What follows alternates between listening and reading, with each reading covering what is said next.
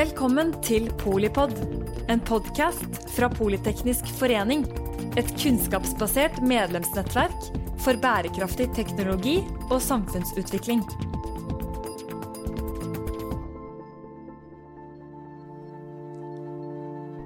Velkommen til denne episoden av eh, Polipod, der vi skal snakke om det store temaet bærekraft.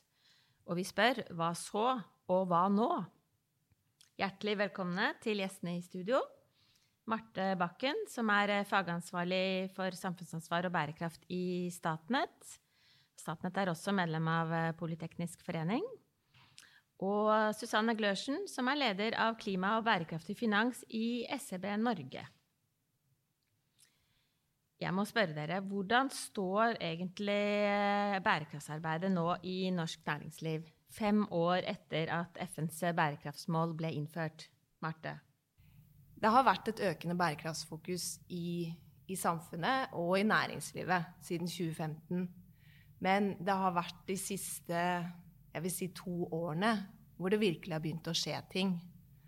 Uh, og nå ser vi i deler av næringslivet at det er, at det er et sterkt bærekraftsfokus.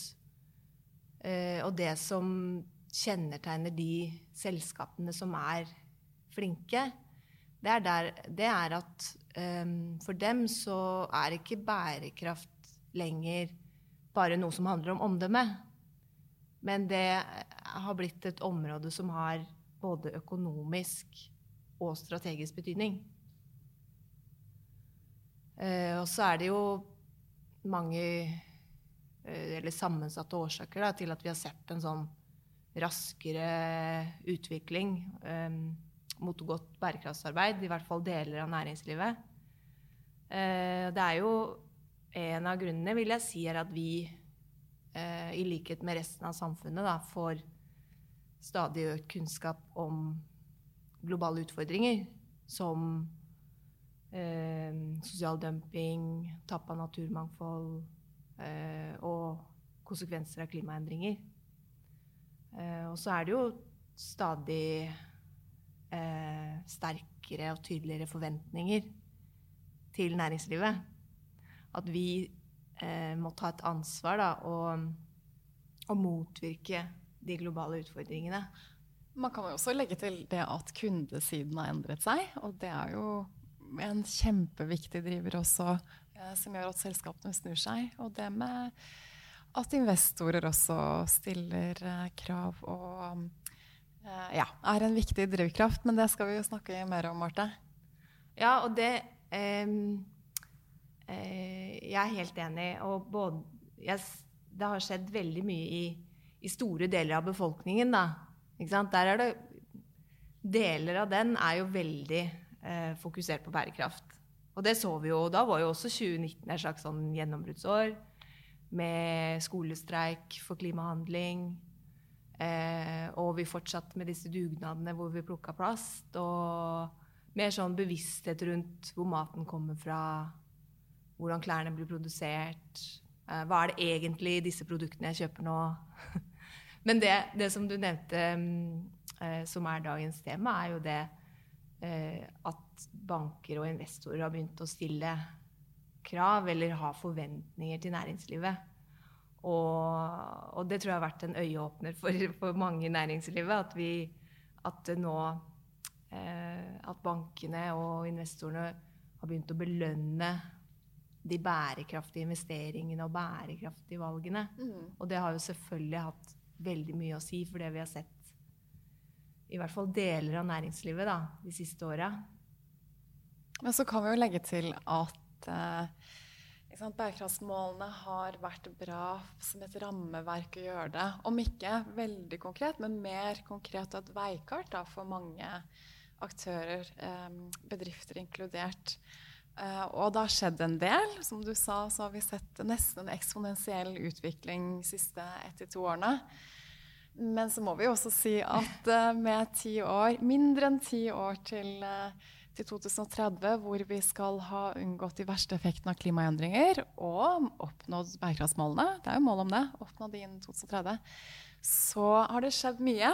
Men det går ikke fort nok. Det kan vi jo også eh, kanskje si Eh, det var, eh, ble gjort en rapport av EY på bestilling av Klima- og næringsdepartementet. Og der sier de nettopp det at eh, takten er ikke høy nok på omstillingen. Eh, det man kanskje ser for seg der, er jo også at nå har vi gjort mer inkrementelle endringer, noe energieffektiviseringen, men det trengs ganske radikale endringer eh, for at vi skal komme til der vi skal. Så det å snu mer om på forretningsmodeller og, og dreie om selskapene i større grad, det er det ene. Og så så jeg også at Governance Group i nei, rapporten 'Bærekraft på børs' viser til at eh, det er en del sel noen selskaper som begynner å referere til bærekraftsmålene i rapportene sine, eh, inkludert å sette mål da, på hva de skal oppnå innen bærekraftsmålene, og rapportere på det. Men det var 50 av 100 som ikke rapporterer på bærekraftsmålene. Så vi, uh, vi har en vei å gå. Vi har en vei å gå. ja.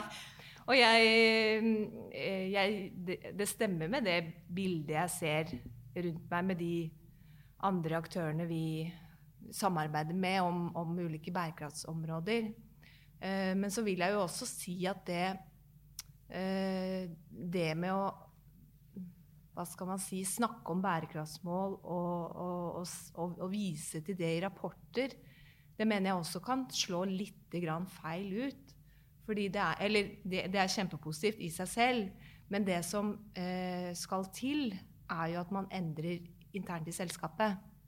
Ikke sant? Og der vil jeg si at da den eh, finansbransjens inntog i dette da, eh, har presset næringslivet til å være eh, nettopp eh, konkret på bærekraft. Ja. Ikke sant? Og prioritere hva er det som er de viktigste områdene for dette selskapet og denne bransjen. Mm. Og så holder det ikke lenger med å si ja, vi er veldig opptatt av mangfold i vårt selskap. Mm. Fordi da kommer dere da inn og sier sånn Ja, men da må du dokumentere hvilke tiltak dere har iverksatt for å fremme mangfold, og dere må dokumentere resultatene. Sånn at det er eh, Det har blitt mer krevende eh, for de som skal jobbe bra med bærekraft, eh, etter at finansmarkedet ja, eh, kom så sterkt inn. Mm. Men det er jo den riktige veien å gå. For jeg synes jo det, har vært, det har jo vært mye snakk nå i mange, mange år. Mm. Så det er det jeg mente i begynnelsen, at vi ser positive endringer. Fordi det er noen som faktisk endrer egen virksomhet og tar det på alvor. Og den interaksjonen mellom finans og næringslivet skal vi snakke mer om. Men det er klart, det som er spennende, hvorfor jeg ønsket å gå inn i finans uh, for uh, ni-ti år siden, er at uh, man er så tett på alle, alle sektorer. Uh, finansbransjen, som er det blodomløpet i samfunnet, og er med å bestemme uh, hvilke selskaper som overlever og blomstrer, og hvilke som ikke gjør det. Så det, det at man, som du sa, Marte, jobber på tvers av sektorer og interagerer da med hele økosystemet. Og jeg må jo si at når jeg begynte i SEB for ikke altfor lenge tid siden så var det så positivt å se all den kunnskapen som nå befinner seg, ikke bare i bærekraftsavdelingen, men ute hos låneteamene, de som jobber med obligasjoner. Uh, så den rådgivningen En ting er krav. Hvor skal kapitalen flyte? Krav til selskaper. Men også den uh, rådgivningen man kan gi, og sparringen med kundene sine om bærekraft. Jeg er helt enig. Og vi har hatt uh, mye sånne positive uh, møter da, med, med, banker hvor vi har måtte, diskutert bærekraft på et veldig uh, konkret nivå. Sånn at vi har Jeg, jeg, jeg har positiv erfaring med den kompetansen da, som ligger i, i finansbransjen rundt dette. Og det har vært en viktig input for oss Eh, også det å få litt sånn innspill på hvor, hva andre gjør. Eh, hva prioriterer andre? Hvordan ligger vi an i forhold? Og det, jeg må si at det stemmer jo veldig Eller det stemmer med det som vi, vi opplever selv når vi tar kontakt. Eh, for nå er det jo veldig sånn sam, mye samarbeid på, på tvers av, av bransjer mellom ulike selskaper. F.eks. vi som er statlig eid, samarbeider om ulike områder. Og det er jo det som er veien å gå. Samarbeid mellom bransjer og mellom sektorer. Mm. Bærekraftsmål 17? Ja. ja da. Så vi bidrar godt til det. Ja. Ja, ja men det er sant. Eh, men jeg, jeg tenker også det er litt positivt det som har skjedd, at vi har begynt å se målene mer i sammenheng. Mm. Eh, fordi tidligere så var det jo mest fokus på klimamålene, da. Eh, mens nå eh, har det jo blitt økt forståelse rundt det at målene eh, henger sammen. Man kan ikke fokusere på ett, løse ett problem da, på bekostning av de andre. Mm. Eh, det, men det gjør det jo hele mer krevende. Og det er jo derfor mange de selskapene som, som vil eller som har etablert et godt bærekraftsarbeid, har jo også bygd opp fagkompetanse. For det er noe med å se hvor komplekst det er, eh, og hvordan man kan løse det. For, for Statnett sin del så er jo et eksempel det med at vi bygger jo grønn infrastruktur, som er bra, bra for samfunnet også og bidrar til bærekraftsmålene. Eh, men samtidig så er det jo det med at eh, når vi bruker eh, leverandører i, i land hvor det ikke er god regulering av lønns- og arbeidsvilkår, eh, så må vi være tydelige på å stille krav og sikre at den grønne infrastrukturen vi kjøper og bygger her til lands, ikke er basert på, på, på dårlig lønns- og arbeidsvilkår eller utnyttelse av arbeidskraft. Sånn at man må se de ulike målene mer i sammenheng. Og det mener jeg at vi, eh, i hvert fall enkelt, eller deler av næringslivet, har blitt flinke på. da. Men det gjør det jo vanskeligere òg. Ja, det er komplekst. Og det er klart bærekraft er mer enn miljø. Det er eh, Ja. sosiale forhold også. S-en i og G-en. Så det, det jeg tror vi kommer til å se mer av, er jo også fokus på system thinking, systemtenkning. Det har vært mye silofokus, men det å tenke mer holistiske, overgripende systemer For alt interagerer jo, som du sier, og bærekraftsmålene påvirker hverandre. Um, men jeg vil også si det som har vært veldig bra med bærekraftsmålene der eh, jeg som har vært med lenge i bransjen, og det har ofte handlet om risiko. Nå har jeg tidlig var ute og tenkte mer på mulighetene, men inspirert av DNV GLs opportunity-arbeid også. Eh, for der ESG, Environmental Social and Governance, handlet jo ofte om å håndtere risiko i selskapene. Ja. Klimarisiko, risikoleverandørkjeder, risiko for oljeutslipp og helse og sikkerhet, så er på en måte bærekraftsmålene også Ja, det er utfordringer vi skal løse, men de er også litt positive. Man kan snu de rundt i forretningsmuligheter, investeringsmuligheter. Mm. Eh, så den Alle de Det er klart eh, eh, Der ligger så mye muligheter i det grønne skiftet og og derfor DNVGL sa nok risiko. Vi snur bærekraftsrisiko til forretningsmuligheter i arbeidet sitt. Så et eksempel er jo Eh, danske Ørsted, som var eh, Dong Energy. Mm. Eh, dansk olje- og gasselskap. Som startet på en reise ganske tidlig, da mange ikke, ikke trodde på dem, men veldig, hadde commitment og conviction. Og har snudd eh, rundt. Eh, gått med, er jo nå eh, primært fornybar energi. Og markedet lønner dem. Mm. For tre år siden, nei, I 2016 ble det børsnotert. Og de har hatt en tredobling i aksjekursen siden det. Så, så det er også et poeng, det å Nå er det veldig mange som har kommet på siste ett til to årene og skal jobbe med bærekraft, og det er bra. Vi må ha alle med. Mm. Men eh, de som turte å starte tidlig, er jo veldig godt posisjonert nå, da. Eh, det vil jeg si. Men alle skal med. Og så er det viktig å få med de mindre selskapene. Eh, sånn at ikke bærekraft blir for komplekst og overveldende. Men at vi får med mindre selskaper. Ja, jeg er helt enig. Og det er jo ikke noe i veien for at, det, for at de ikke skal med. Jeg tenker jo Det er jo noe med å tilpasse, som vi var inne på allerede. Det er jo noe med at du må se, gå litt analytisk til verks i eget selskap og se hvilke muligheter du har. Og, og, og det er jo eh, noe av det som er positivt som har skjedd, når, når vi nå får belønning da, i form av gunstige lånebetingelser fordi vi, fordi vi kan dokumentere at vi er et bærekraftig selskap, investere i bærekraftige prosjekter. Sånn at det er jo vinn-vinn.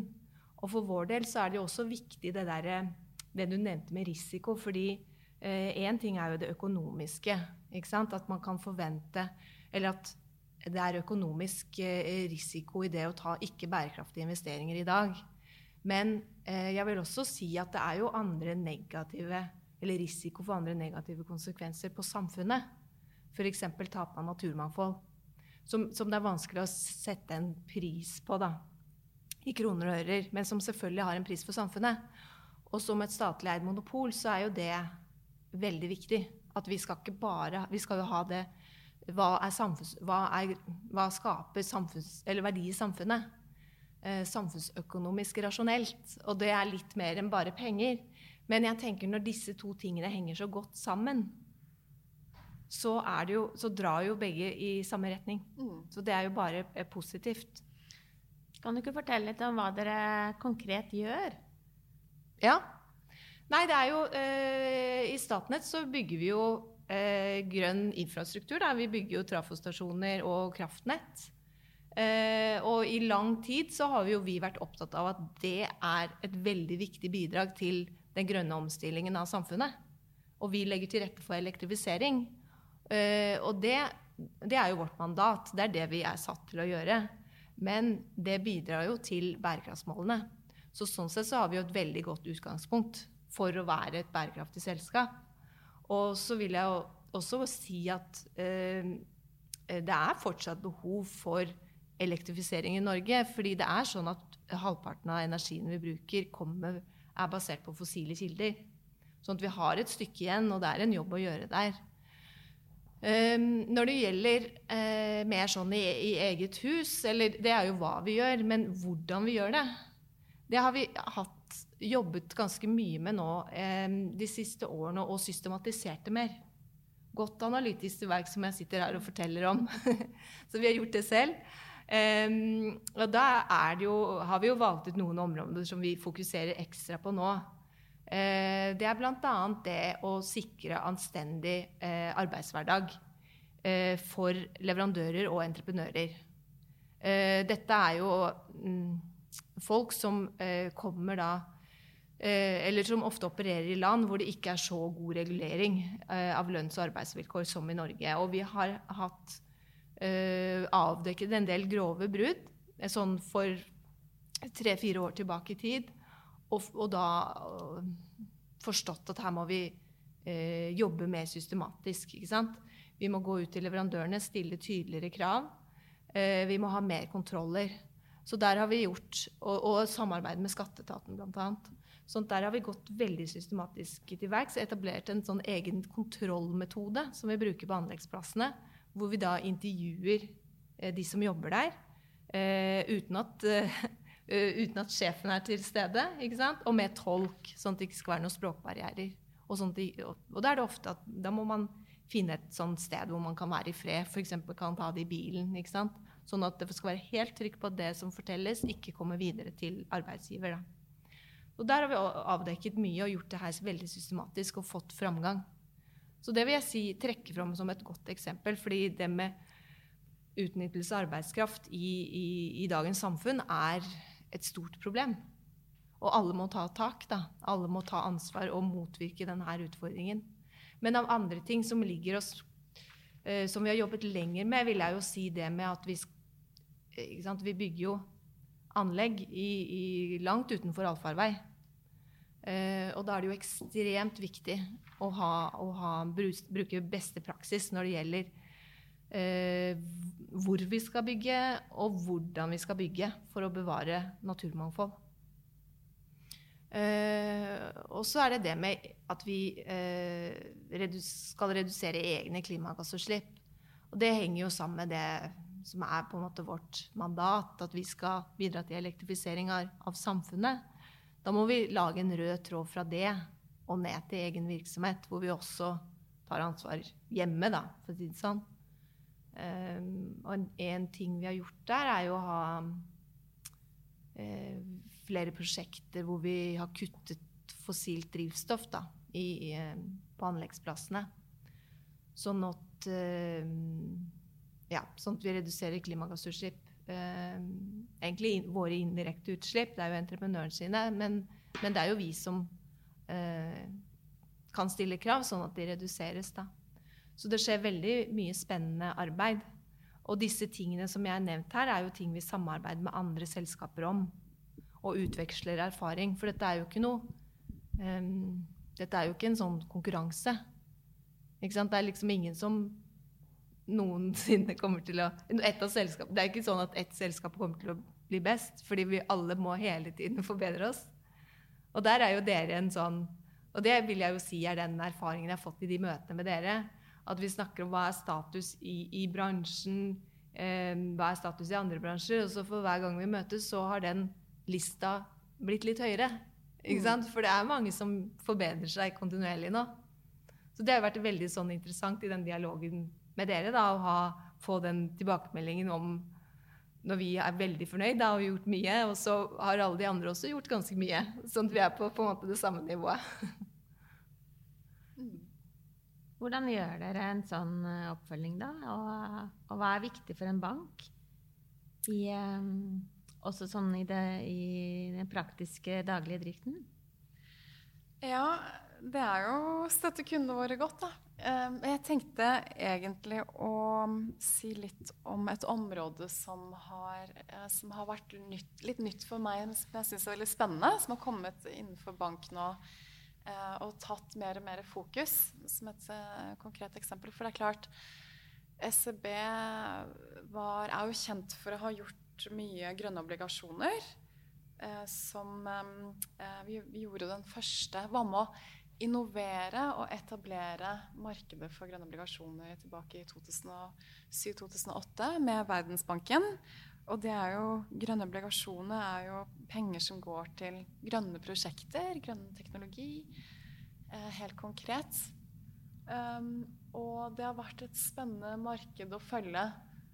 Um, um, nå får vi se hvordan 2020-tallene blir, men 2000, fra 2018 til 2019 så gjorde markedet et stort hopp og hoppet opp 50 eh, Fra 177 milliarder dollar til 264 milliarder. Så det er en spennende marked. Jeg ser også at øh, det kan være her kan det være sector biases som spiller inn, og andre ting, men grønne obligasjoner har holdt bedre også under korona eh, enn vanlige obligasjoner.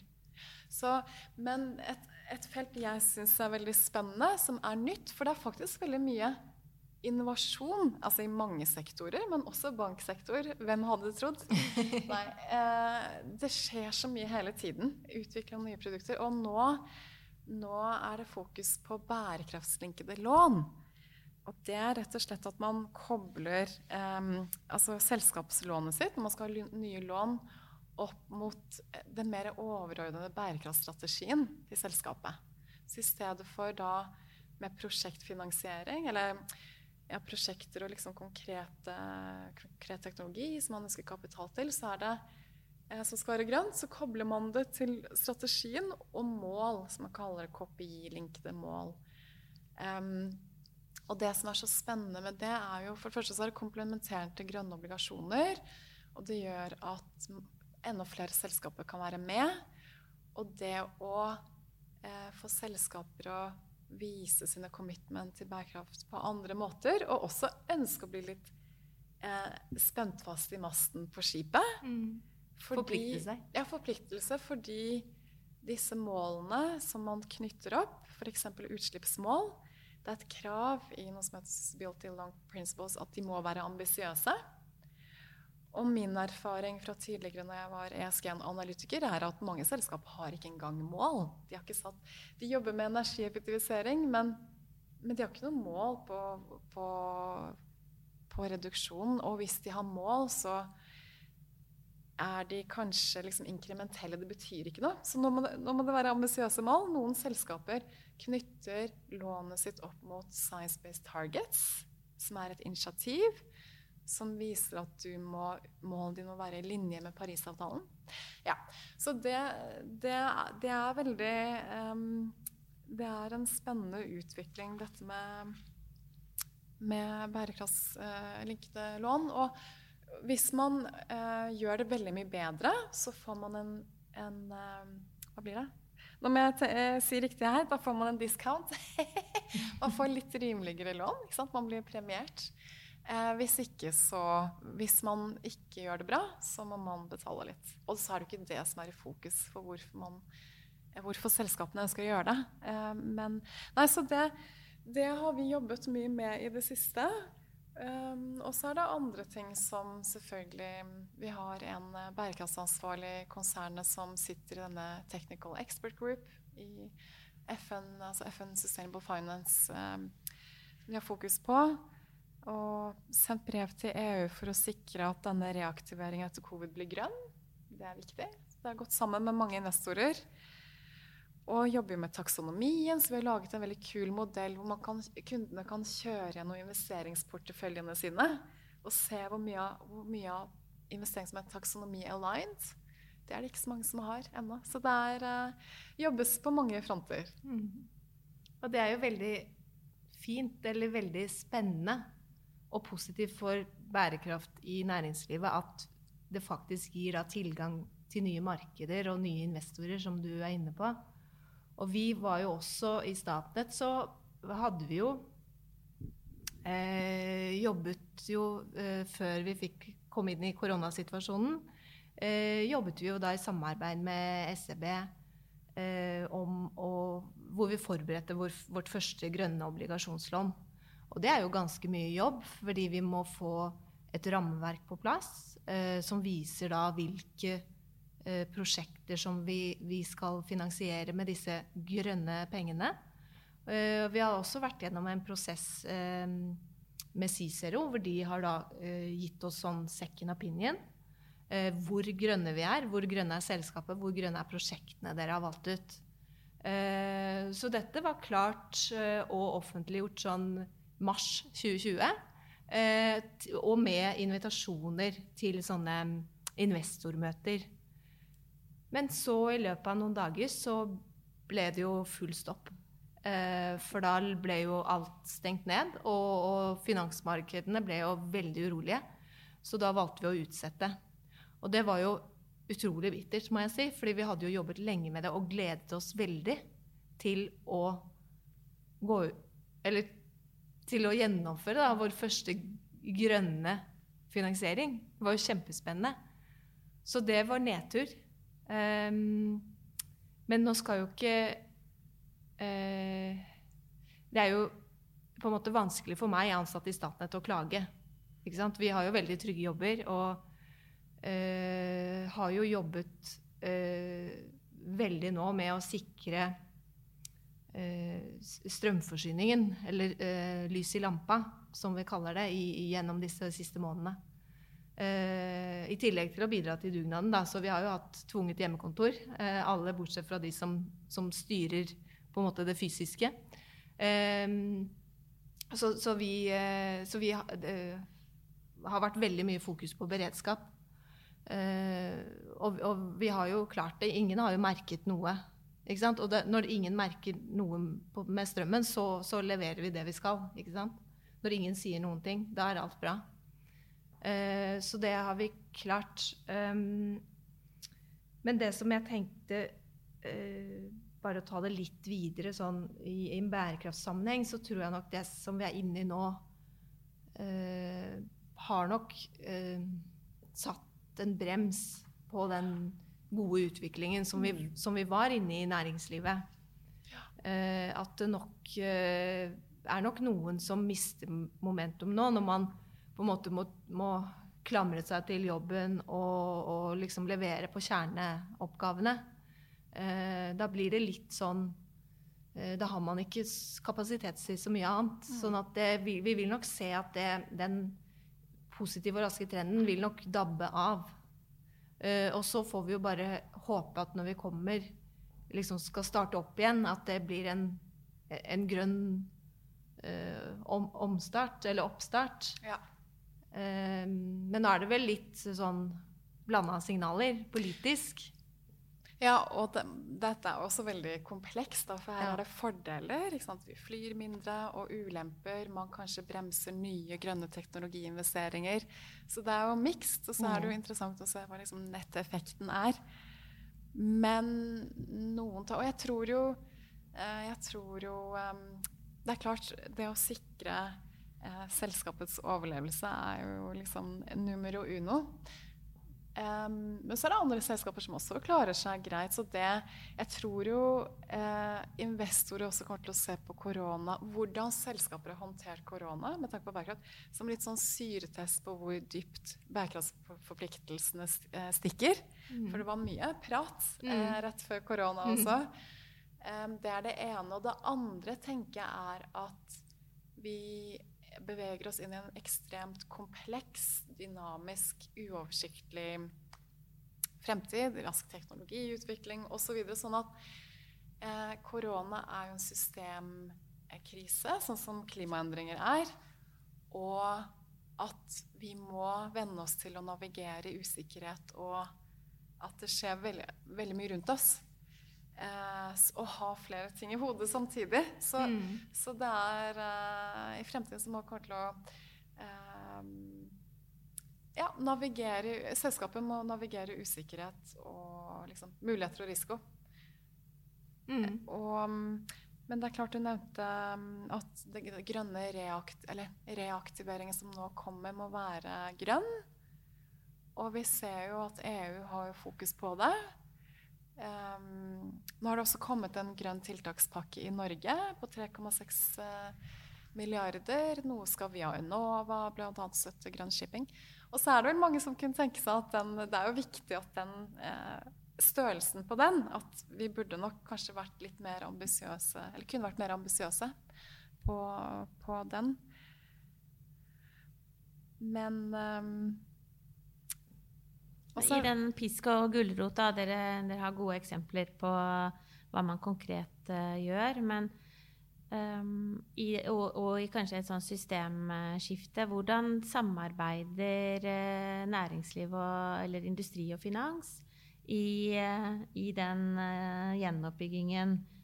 Og, og, hvordan ser dere, hvis dere kunne spå litt inn mot 2030, da, og, og kanskje drømme litt, da, for, mm. fordi dere sitter med kunnskapen. Og er, dere er et sted hvor, eh, hvor vi elsker tverrfaglig eh, kunnskap og samarbeid. Hva, hva ville være måte veien ut av korona før eh, klimakrisen? Jeg tenker jo det er viktig for Eller at finansbransjen fortsetter å være tydelig på at det der som er ikke bærekraftig, har en stor risiko en stor økonomisk risiko. Og da tenker jeg når man går inn i tøffe økonomiske tider, som, som vil komme også i Norge, så er det jo ekstremt viktig å ta investeringer og valg som har lav økonomisk risiko. Og det tilsvarer jo da de bærekraftige valgene og bærekraftige investeringene. Så det er vel Jeg vet ikke om det var et håp eller en, en uh, framtidsplan. En ordre? Men, ja. ja, for det tenkte jeg at at vi at, på en måte det Den perioden vi var inne i, det er kanskje min, det jeg håper på. Skal, skal, at de skal fortsette ikke sant? å ha de samme risikovurderingene. For da mener jeg at vi kommer For jeg syns det eh, Selv om det er langt, eh, lang vei igjen, og sånne ting, så syns jeg det har skjedd utrolig mye positivt i 2019. Og vi var inne på en veldig god var, hadde liksom pekt oss ut en veldig god vei som vi var på. Eh, så jeg håper jo vi kommer tilbake der. Eh, og, og eh, jeg syns jo også sant, Politiske signaler er veldig viktig. Og der er det jo de fra EU da, som er mest i den som, som viser den samme veien som det jeg sa nå. At vi skal ta de bærekraftige valgene. Eh, så, så mm. Ja, så det, så det, er lov å håpe. Og jeg tror alle som jobber med bærekraft uh, og, og, har et engasjement for det, vi, vi er jo alltid optimister. Ikke sant? Fordi ellers så hadde man ikke orka å jobbe i, det, i denne bransjen her. Um, sånn at det Så du må kanskje spørre noen andre for å få et annet svar enn at det går bra. at vi kommer oss på det grønne sporet igjen. Ja, jeg kan bare stille meg bak Marte på det med at det er viktig at kapitalen kommer med krav. Det er den mm. fantastiske rollen finansbransjen har i dette skiftet. For det Selskapet trenger kapital, og da er man lydhøre eh, for krav. Men også det som du sa, at man blir eh, Ja, eh, hvilke selskaper som etter hvert får kapital. At det, jo mer vi integrerer bærekraftige kredittanalyser osv., eh, er viktig. Men samtidig så spiller man en rolle på, å, som jeg har snakket om, på å rådgi på omstilling. Så eh, en, en, interaksjon på hvordan selskapet kan eh, omstille seg. At det er et samarbeid man også kan ha med banken, som er en viktig funksjon. For vi trenger jo redusere risiko, og vi trenger omstilling. Og i dette skiftet igjen eh, masse muligheter. Mm. For banken og for eh, kundene. For næringslivet. Ja, ja. For verden. Det høres jo lovende ut. Og, og ja. det er spesielt hyggelig at ingen tenker på hvorfor lenger. Men det er snakk om hva og hvordan. Ja. Så, og så sa du noe i forbifarten her. Da, så nevnte du bare et eksempel her med, med de grønne obligasjonene og forklarte oss litt om det. Men, men eh, det tallet du, du raste gjennom, 264 milliarder dollar det høres jo um, ut som uh, at det skulle være rom for Mye mer. Definitivt. Det er det. Et, eksempelvis da i Europa Se på tallet her. Men det var 2% av obligasjonene som ble gjort i Europa i fjor, som var grønne. Men i, i Sverige var det oppe på 18 så, Men de ligger jo litt foran. Nei, men det er masse potensial for mm. uh, flere grønne obligasjoner. Klart. Mm. Og det har vel hatt en ganske stor vekst i Norge? Eller? Ja, det har vært vekst, men vi, vi eh, får strekke oss for å eh, være like ambisiøse og flinke som våre eh, naboland. Sverige. Ja. Mm. Vi gjorde faktisk kan man også bare nevne det, for det er morsomt, Ref innovasjon og, og, på en måte nyutvikling. Forrige uke så gjorde vi, eller ble enige, det gikk ut at vi skal hjelpe Sverige med deres første grønne statsobligasjon, som har blitt vurdert som dark green av Cicero. Så det er uh, beste ratingen man kan få. Så det liksom kobles da på uh, kostnader i statsbudsjettet og skal gå til Det skal gå til um, bare finne den her. Klimainvesteringer, uh, prosjekter innenfor hav og um, ja, flere andre områder. Men det er jo det er jo også eh, et viktig område. Hjelpe land med, med sine grønne prosjekter. Mm. Så vi, det vi kan håpe å ta med oss fra korona, hvor vi har sett så mye kreativitet og innovasjon og vilje og evne til å agere, er jo at vi tar med oss det videre. For vi må se mer innovasjon eh, i eh, selskaper og i banknæringen for å ta oss til eh, bærekraftsmålene i 2030. Ja, helt enig. Men når du snakket nå, så eh, kom jeg på at jeg hadde jo glemt å si at Statnett fikk jo selvfølgelig også Dark Green, som er den beste klimavurderingen ja. av Cicero. Mm. Så vi er helt klare for, den, eh, for å starte opp igjen da, denne prosessen når eh, ting blir litt mer normalt, med sånn da dark green-vurdering. On that uh, happy note, uh, hjertelig Sånn ut av ingenting, men ja, ja. Hjertelig takk til uh, Marte Bakken, som da selvfølgelig er fra Statnett og har uh, fagansvaret for samfunnsansvar og bærekraft der. Likeledes takk til Susanne Glørsen, som uh, er leder av klima og bærekraftig finans i SEB Norge. Og også tusen takk til deg som lytter på Polipod. Følg med på neste episode.